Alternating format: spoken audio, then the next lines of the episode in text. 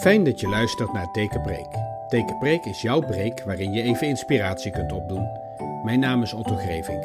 In Tekenpreek neem ik jou mee door een Bijbelverhaal en leg je uit wat het voor je kan betekenen.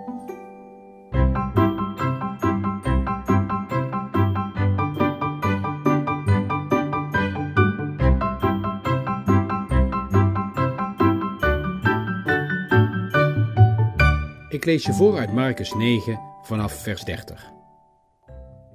Jezus en de leerlingen gingen weer verder. Ze reisden door Galilea. Maar Jezus wilde niet dat iemand dat te weten kwam, want hij was bezig om zijn leerlingen iets uit te leggen. Hij vertelde: De mensenzoon zal uitgeleverd worden aan mensen die hem zullen doden, maar drie dagen later zal hij opstaan uit de dood. De leerlingen begrepen het niet, maar ze durfden niet te vragen wat Jezus bedoelde. Jezus en de leerlingen kwamen in Cafarnaum. Toen ze thuis waren, vroeg Jezus aan de leerlingen: Wat liepen jullie onderweg te bespreken? Maar de leerlingen durfden niets te zeggen, want ze hadden gesproken over wie van hen de belangrijkste was. Jezus ging zitten en riep de twaalf leerlingen bij zich. Hij zei: Wie de belangrijkste wil zijn, moet zichzelf op de laatste plaats zetten, en hij moet alle anderen dienen. Jezus zette een kind midden in de groep.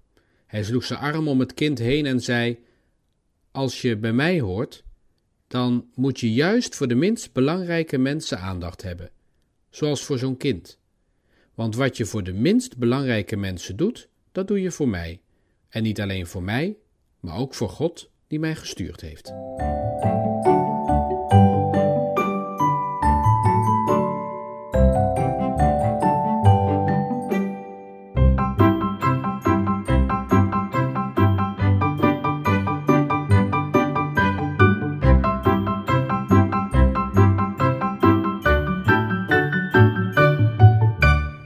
Stel dat we kinderen eens echt in het midden zouden zetten, zoals Jezus doet.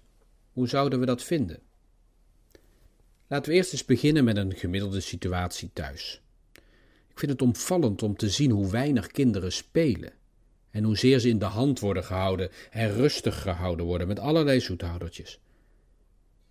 Ik moet denken aan die moeder die klaagde dat ze geen eigen leven meer had, waarop de begeleider van haar kind op school uitlegde: U hebt geen leven, u bent leven. Kinderen moeten veelal mee in de drukke levens van hun ouders. En dan zal dat niet altijd zo zijn, toch vaak ook weer wel. We zijn als volwassenen met zoveel belangrijke dingen bezig. En dan moeten we alles ook nog draaiende houden. Stel dat we daarentegen kinderen echt eens in het midden zouden zetten, zoals Jezus doet. Hoe zouden we dat vinden? De leerlingen van Jezus zijn ook met heel belangrijke zaken bezig vinden ze. Ze hadden met elkaar getwist wie van hen de belangrijkste was. En dat gaat verder dan de vraag wie de meeste macht heeft.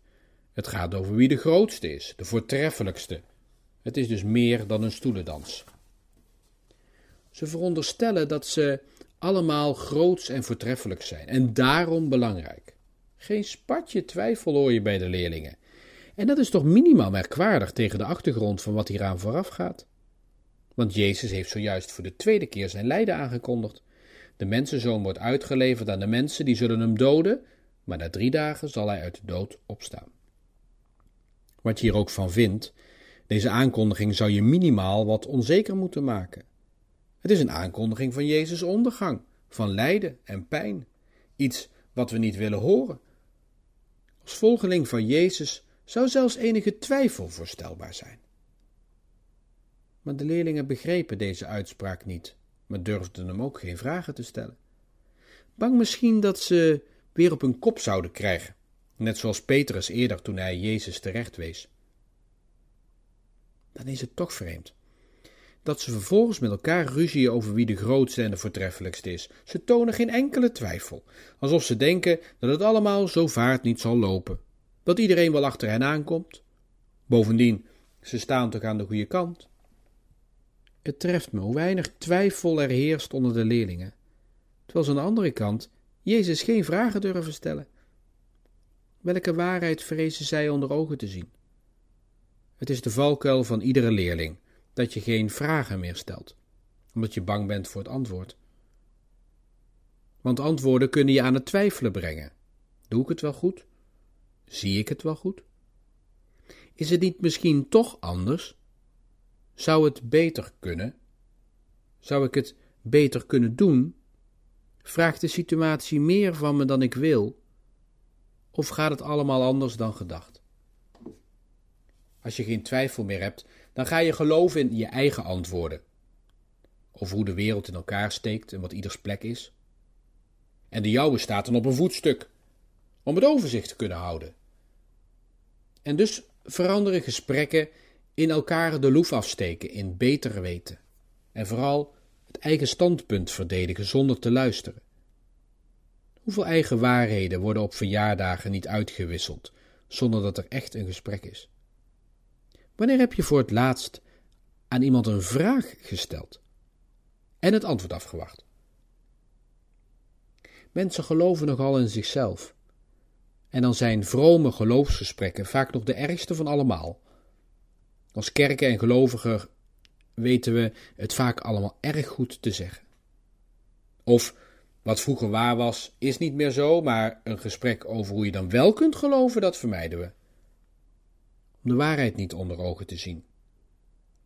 En dat is dat het allemaal ook wel eens anders zou kunnen zijn. Of minder verontrustend gezegd, dat onze waarheid minimaal niet compleet is. En dat er meer over te zeggen is. Wat ons best even vragen mag doen stellen en mag laten twijfelen. Twijfel is niet erg. Twijfel is de basishouding van een leerling, omdat het je vragen laat stellen. Maar begrijp me goed. Na de tijd dat we zogenaamd alles zeker wisten, kwam er een tijd waarin twijfel heel belangrijk werd gevonden en bijna een cultstatus kreeg. Dat we niets zeker meer kunnen weten en dat je vooral als gelovige niets voor waar mag aannemen, omdat je er toch niks over kunt zeggen. Daar ben ik niet van. Daarom aarzel ik ook bij het woord twijfel. Twijfel haalt niet alles onderuit, maar richt ons op wat het belangrijkste is: God. Het maakt ons duidelijk dat we Zijn genade nodig hebben. Dat we het niet in ons eentje alles kunnen weten en overzien en dat dat ook niet hoeft. Want gelukkig is daar Gods genade. En mogen we gewoon vragen stellen aan Jezus, aan elkaar. Hoe zie jij dat nou? En hoe doe jij dat nou? Maar de leerlingen van Jezus zijn met zichzelf bezig. En Jezus doorziet dat en zegt: Wie de belangrijkste wil zijn, moet de minste van allemaal zijn en ieders dienaar, zegt onze Bijbelvertaling. Maar het is precies andersom. En dat zit hem in één werkwoord. Wie de belangrijkste wil zijn, zal in de toekomende tijd de minste van allemaal zijn een ieders dienaar. Dat wil zeggen, ieders slaaf. Hij is namelijk een slaaf van zichzelf, van zijn eigen gelijk en waarheden. Jezus gooit de blik echter naar buiten. Hij pakt een kind en zet die in het midden. En zegt: Wie in mijn naam één zo'n kind bij zich opneemt, die neemt mij op. Het gaat er bij dit kind niet om dat dat kind onschuldig is. Als een in de Bijbel het beeld van een kind wordt gebruikt, dan gaat het om zijn weerloosheid, om zijn kwetsbaarheid. Om precies dat waar de leerlingen geen weet meer van lijken te hebben, dat we Gods genade nodig hebben. Dat we het niet alleen kunnen en hoeven doen. Dat je niet alles hoeft te weten. En dat je moet blijven vragen, omdat je anders opgesloten raakt in je eigen beperkte gelijk. En daardoor Jezus en God misloopt. Omdat er genoeg is om over te twijfelen, omdat je eigen waarheid altijd incompleet is en er dus vragen bij te stellen blijven. Het leven is onzeker, that's a fact of life. Maar gelukkig is daar God en Jezus die ons voorgaat in de meest onzekere dat denkbaar is, dood. En Jezus roept op: blijf vragen stellen. En leer dat van kinderen. Zij kunnen dat, vragen stellen. Zet hen in het midden. Laat hen vragen stellen. En stel vragen terug. Dan wordt het evangelie ook voor hen weer relevant.